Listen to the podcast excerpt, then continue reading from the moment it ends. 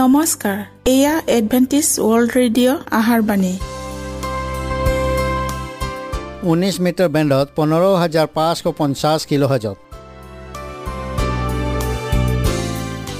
Adventist world radio যোগে অসমীয়া ভাষাত প্ৰচাৰিত আহাৰবাণী প্ৰত্যেক বুধবাৰ আৰু দেওবাৰ সন্ধিয়া সাত বজাত আহাৰবাণী শুনাৰ পিছত আপোনালোকৰ কিবা মন্তব্য আৰু প্ৰশ্ন থাকিলে আমালৈ এই ঠিকনাত লিখক। আমাৰ ঠিকনাটি হৈছে Adventist World Radio' seven day Adventist মণ্ডলী অসম শাখা লতাকাটা বশিষ্ট গুৱাহাটী সাত আঠ এক শূন্য দুই ন।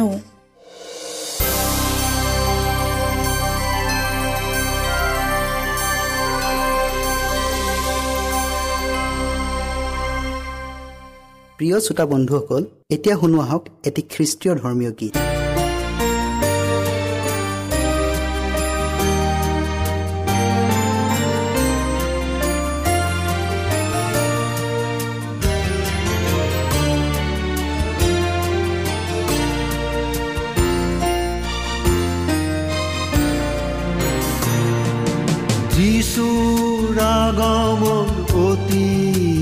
ওচৰ পৃথিৱী কলুষিত।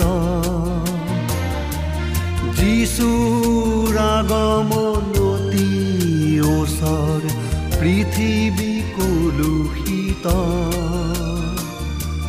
পাপৰ বোজাত ক্লান্ত আমি চাপি আহা যিচুলৈ পাপৰ বোজাত ক্লান্ত আমি চাপি আহা যিচুৰ আগমনতি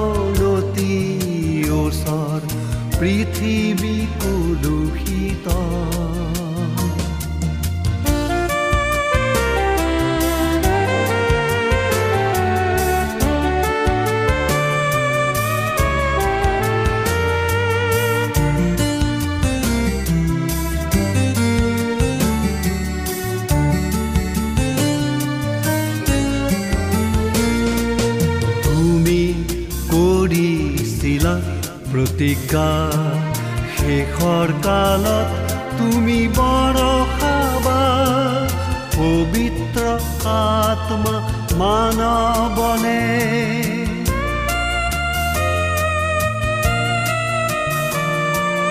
তুমি কৰিছিলা প্ৰতিজ্ঞা শেষৰ কালত তুমি বৰষাবা পবিত্ৰ আত্মা মানৱনে প্ৰভুৰে আগমন।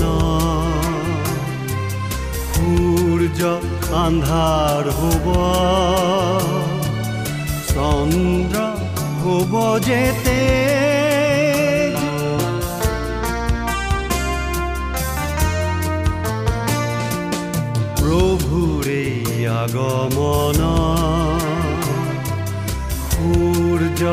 আন্ধাৰ হ'ব চন্দ্ৰ হ'ব যেতে যিচু আগমন অতি ওচৰ পৃথিৱী কলুষিত।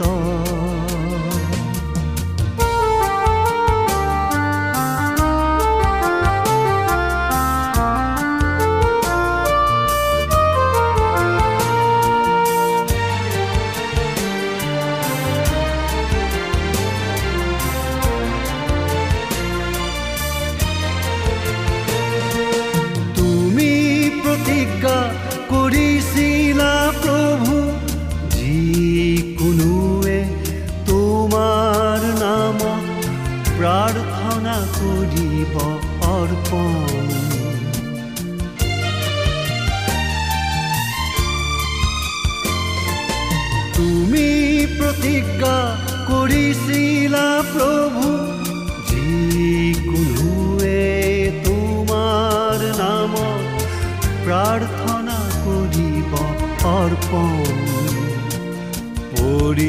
পৰিত্ৰাণ পাব সেইজনে।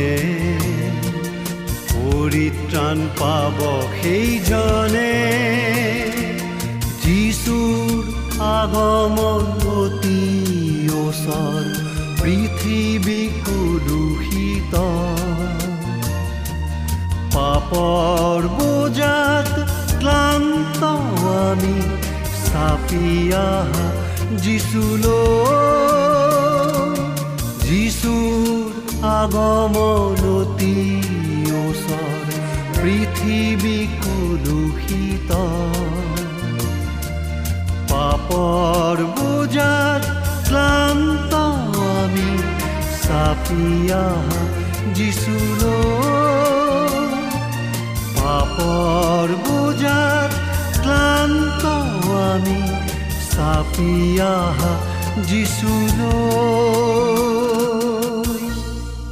প্ৰিয় শ্ৰোতা বন্ধুসকল আহক আমি খন্তেক সময় বাইবেল অধ্যয়ন কৰোঁ হওক।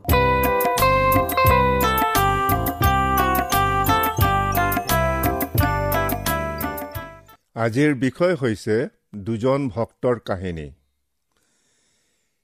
ঈশ্বৰৰ পবিত্ৰ বাক্যত কৈছে মোৰ নামেৰে প্ৰখ্যাত হোৱা মোৰ প্ৰজাবিলাকে যদি নিজকে নম্ৰ কৰি প্ৰাৰ্থনা কৰে আৰু মোৰ সাক্ষাৎ হ'বলৈ বিচাৰে আৰু নিজ নিজ কুপথৰ পৰা ঘূৰে।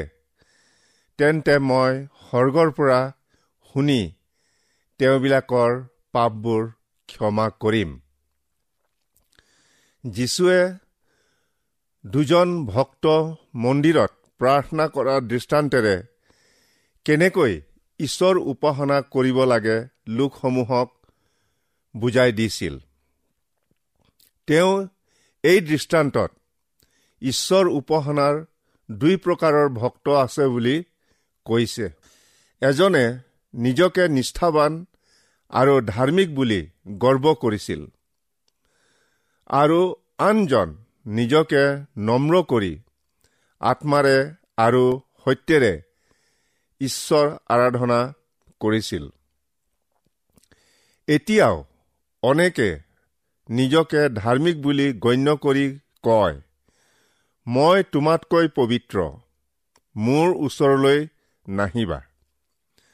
নিজক ধাৰ্মিক বুলি ভবা আৰু আনক সেৱজ্ঞান কৰা এই দুই শ্ৰেণীৰ লোক সৃষ্টিৰ আৰম্ভণিৰ পৰাই দুভাগত পৰিণত হৈছে। কুইন আৰু হেবল দুয়ো ককাই ভায়ে ঈশ্বৰলৈ নৈবেদ্য উৎসৰ্গ কৰিলেও ঈশ্বৰে ভায়েক হেবলৰ উৎসৰ্গ গ্ৰহণ কৰিলে। কিন্তু কইনে ঈশ্বৰৰ ইচ্ছাৰে নহয় নিজৰ ইচ্ছাৰে কৰা উৎসৰ্গ গ্ৰহণ নকৰিলে। এতিয়াও অহং ভাৱ লৈ আৰু নম্ৰ ভাৱ লৈ ঈশ্বৰ আৰাধনা কৰা দুটা বৃহৎ দল আছে। নিজকে ধাৰ্মিক বুলি ভবা আৰু আনক সেৱজ্ঞান কৰা। মানুহবিলাকক যীশুৱে এই দৃষ্টান্তটো ক'লে। দুজন মানুহ মন্দিৰত প্ৰাৰ্থনা কৰিবলৈ গ'ল। তেওঁলোকৰ এজন ফৰিচী আৰু আনজন কৰ তোলা আছিল। ফৰিচীজনে থিয় হৈ এইদৰে মনে মনে প্ৰাৰ্থনা কৰিলে হে ঈশ্বৰ মই তোমাক ধন্যবাদ দিওঁ কাৰণ মই আন মানুহৰ নিচিনা অপহাৰক অন্যায়কাৰী ব্যবিচাৰী নাইবা এই কৰ তোলাৰ নিচিনাও নহওঁ। মই সপ্তাহৰ ভিতৰত দুবাৰ লঘোণ দিওঁ। মোৰ সকলো উপাৰ্জনৰ দহ ভাগৰ এভাগ দান কৰোঁ। কিন্তু কৰ তোলাজন আঁতৰতে থিয় হ'ল। সৰ্গৰ ফালে চাবলৈকে সাহস নকৰি নিজৰ হিয়া ভুকুৱাই ভুকুৱাই ক'লে হে ঈশ্বৰ পাপী যি মই মোক তুমি কৃপা কৰা। মই তোমালোকক কওঁ আনজনতকৈ এই মানুহজনহে ধাৰ্মিক বুলি গণ্য হৈ ঘৰলৈ উভতি গ'ল। কাৰণ যিজনে নিজকে নিজে ডাঙৰ কৰে তেওঁক সৰু কৰা হ'ব। কিন্তু যিজনে নিজকে নিজে সৰু কৰে তেওঁক ডাঙৰ কৰা হ'ব। যীশুৱে কৈছে যিবিলাকে আত্মিক বিষয়ত নিজকে দৰিদ্ৰ বুলি জানে। তেওঁলোক ধন্য। কাৰণ স্বৰ্গৰাজ্য তেওঁবিলাকৰ। যীশুৰ শিষ্য এজন আত্মাভিমানী হোৱাৰ কাৰণেই পতন হৈছিল। কিন্তু যীশুৱে সেই শিষ্যজনৰ বিশ্বাস দৃঢ় হ'বলৈ প্ৰাৰ্থনা কৰিলে। তোমাৰ বিশ্বাস যেন লোপ নাপায় তাৰ বাবে মই তোমাৰ অৰ্থে প্ৰাৰ্থনা কৰিলোঁ। আমি আমাৰ অপৰাধবোৰৰ কাৰণে অনুতাপ কৰিবই লাগিব। কাৰণ শাস্ত্ৰই কৈছে। তেতিয়া তোমালোকে তোমালোকৰ কু আচৰণ আৰু মন্দ কাৰ্যবোৰ সোঁৱৰণ কৰিবা। তোমালোকৰ অপৰাধ আৰু ঘিনলগীয়া কাৰ্যৰ নিমিত্তে তোমালোকে নিজৰ দৃষ্টিত নিজকেই ঘৃণাবা। কিন্তু যিজনে আমাক প্ৰেম কৰে আৰু নিজ তেজেৰে আমাৰ পাপৰ পৰা আমাক মুক্ত কৰিলে সেইজনত ভাৰসা ৰাখো হওক ঈশ্বৰ বিশ্বাসী দাহ মুচিয়ে শিলটোৰ ফাটত লুকাই ঈশ্বৰৰ মহিমা দেখিবলৈ পালে। তদ্ৰূপ বিদীৰ্ণ খ্ৰীষ্ট শিলাই তেওঁৰ গজাল বিন্ধা হাতেৰে আমাক ঢাকি ধৰিব। তেতিয়া ঈশ্বৰে নিজ দাহ মুচিৰ আগত ঘোষণা কৰাৰ দৰেই জিহুৱাই কৃপা আৰু দয়াৰে পৰিপূৰ্ণ ঈশ্বৰ ক্ৰোধত ধীৰ দয়া আৰু সত্যতাত মহান। হাজাৰ হাজাৰ পুৰুষলৈকে দয়া কৰোতা অপৰাধ আৰু আজ্ঞা লংঘন আৰু পাপ ক্ষমা কৰোতা বুলি নিজকে প্ৰকাশ কৰিব।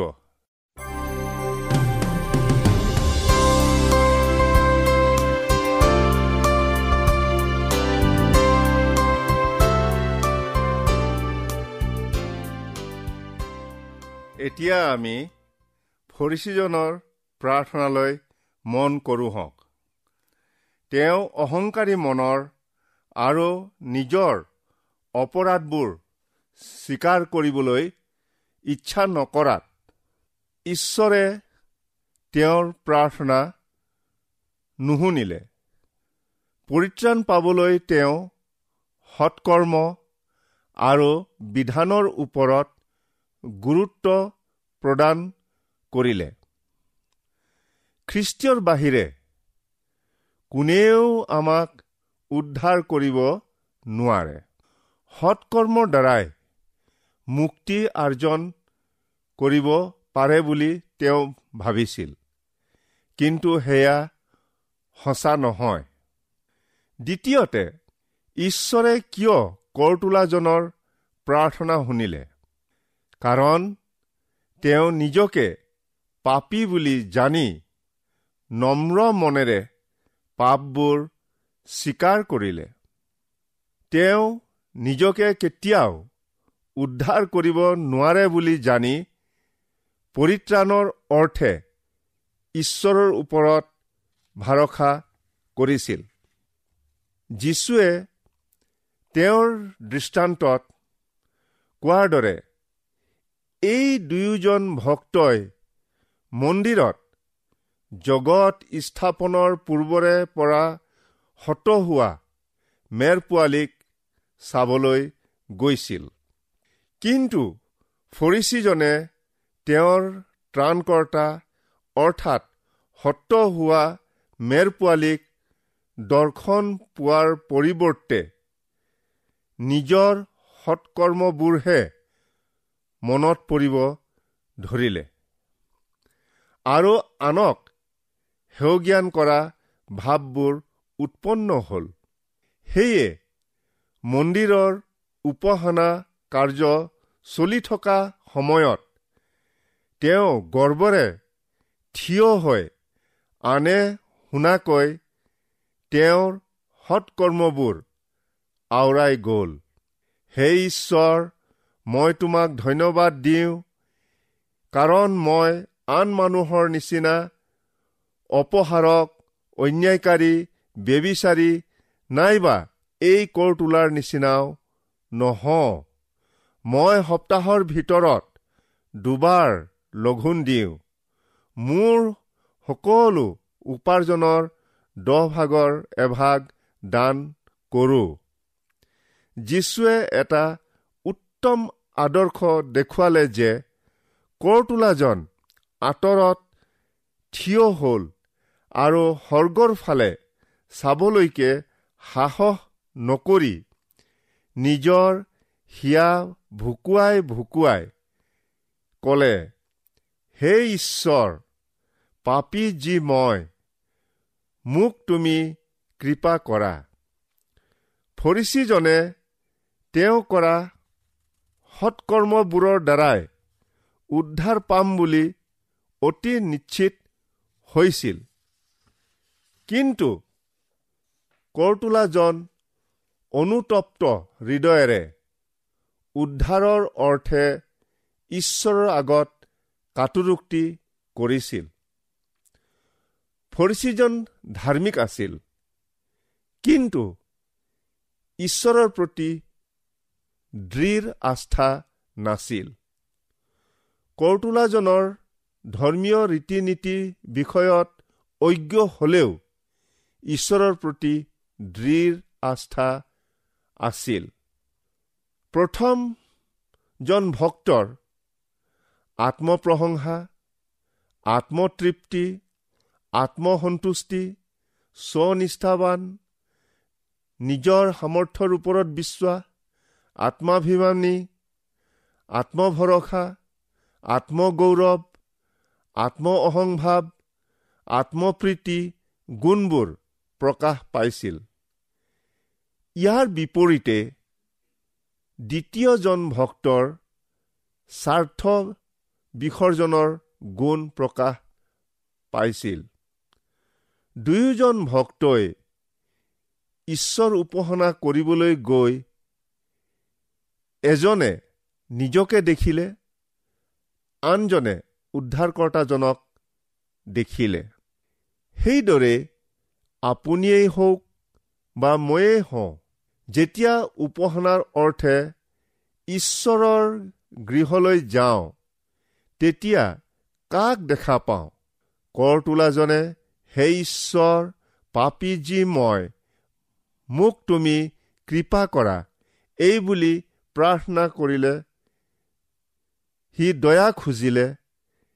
সেই দয়া যিবিলাক আনৰ প্ৰতি দয়ালু তেওঁলোক ধন্য কাৰণ তেওঁলোকে দয়া পাব।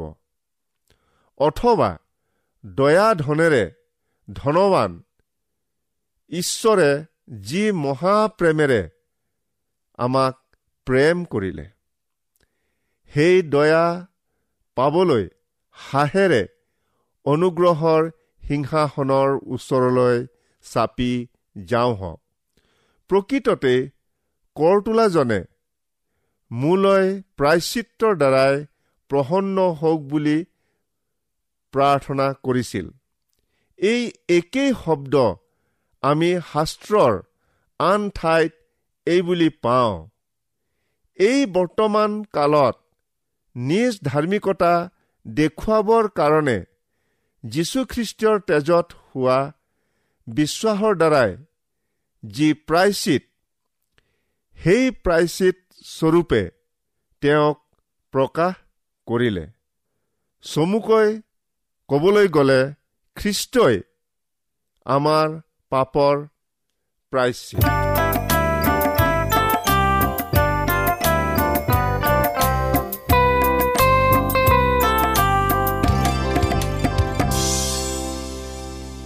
ইমানপৰে আমি বাইবেল অধ্যয়ন কৰিলোঁ। এতিয়া আকৌ শুনো আহক এটি খ্ৰীষ্টীয় ধৰ্মীয় গীত।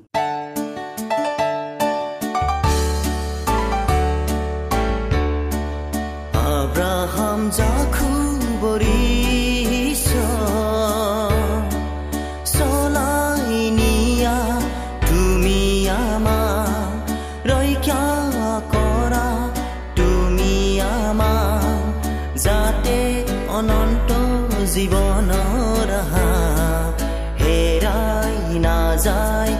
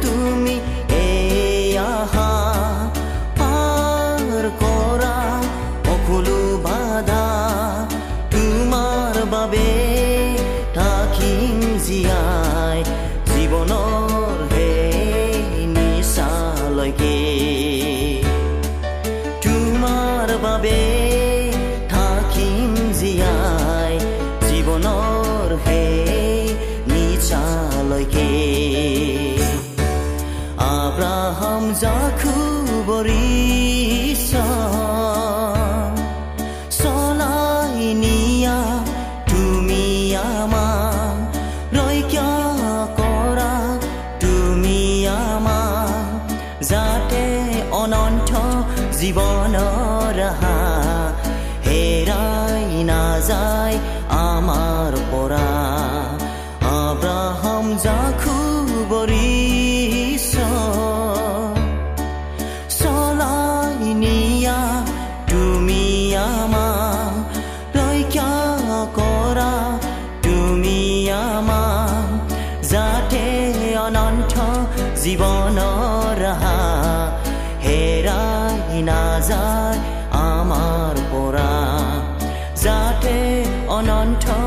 জীৱনৰ হেৰাই নাযায় আমাৰ পৰা।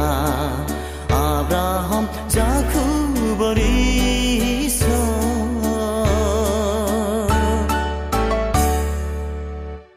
মনত ৰাখিব আমাৰ ঠিকনাটি পুনৰ কৈ দিছোঁ। Adventist World Radio' Assam region of seven day Adventist voice of hope Latakata Basistha Guwahati seven eight one zero' two nine প্ৰিয় শ্ৰোতা বন্ধুসকল এডভেণ্টিজ ৱৰ্ল্ড ৰেডিঅ' যোগে আহাৰবাণী প্ৰচাৰত আপোনালোকক পুনৰ লগ পোৱাৰ আহাৰে আজিলৈ সামৰিলোঁ। ধন্যবাদ।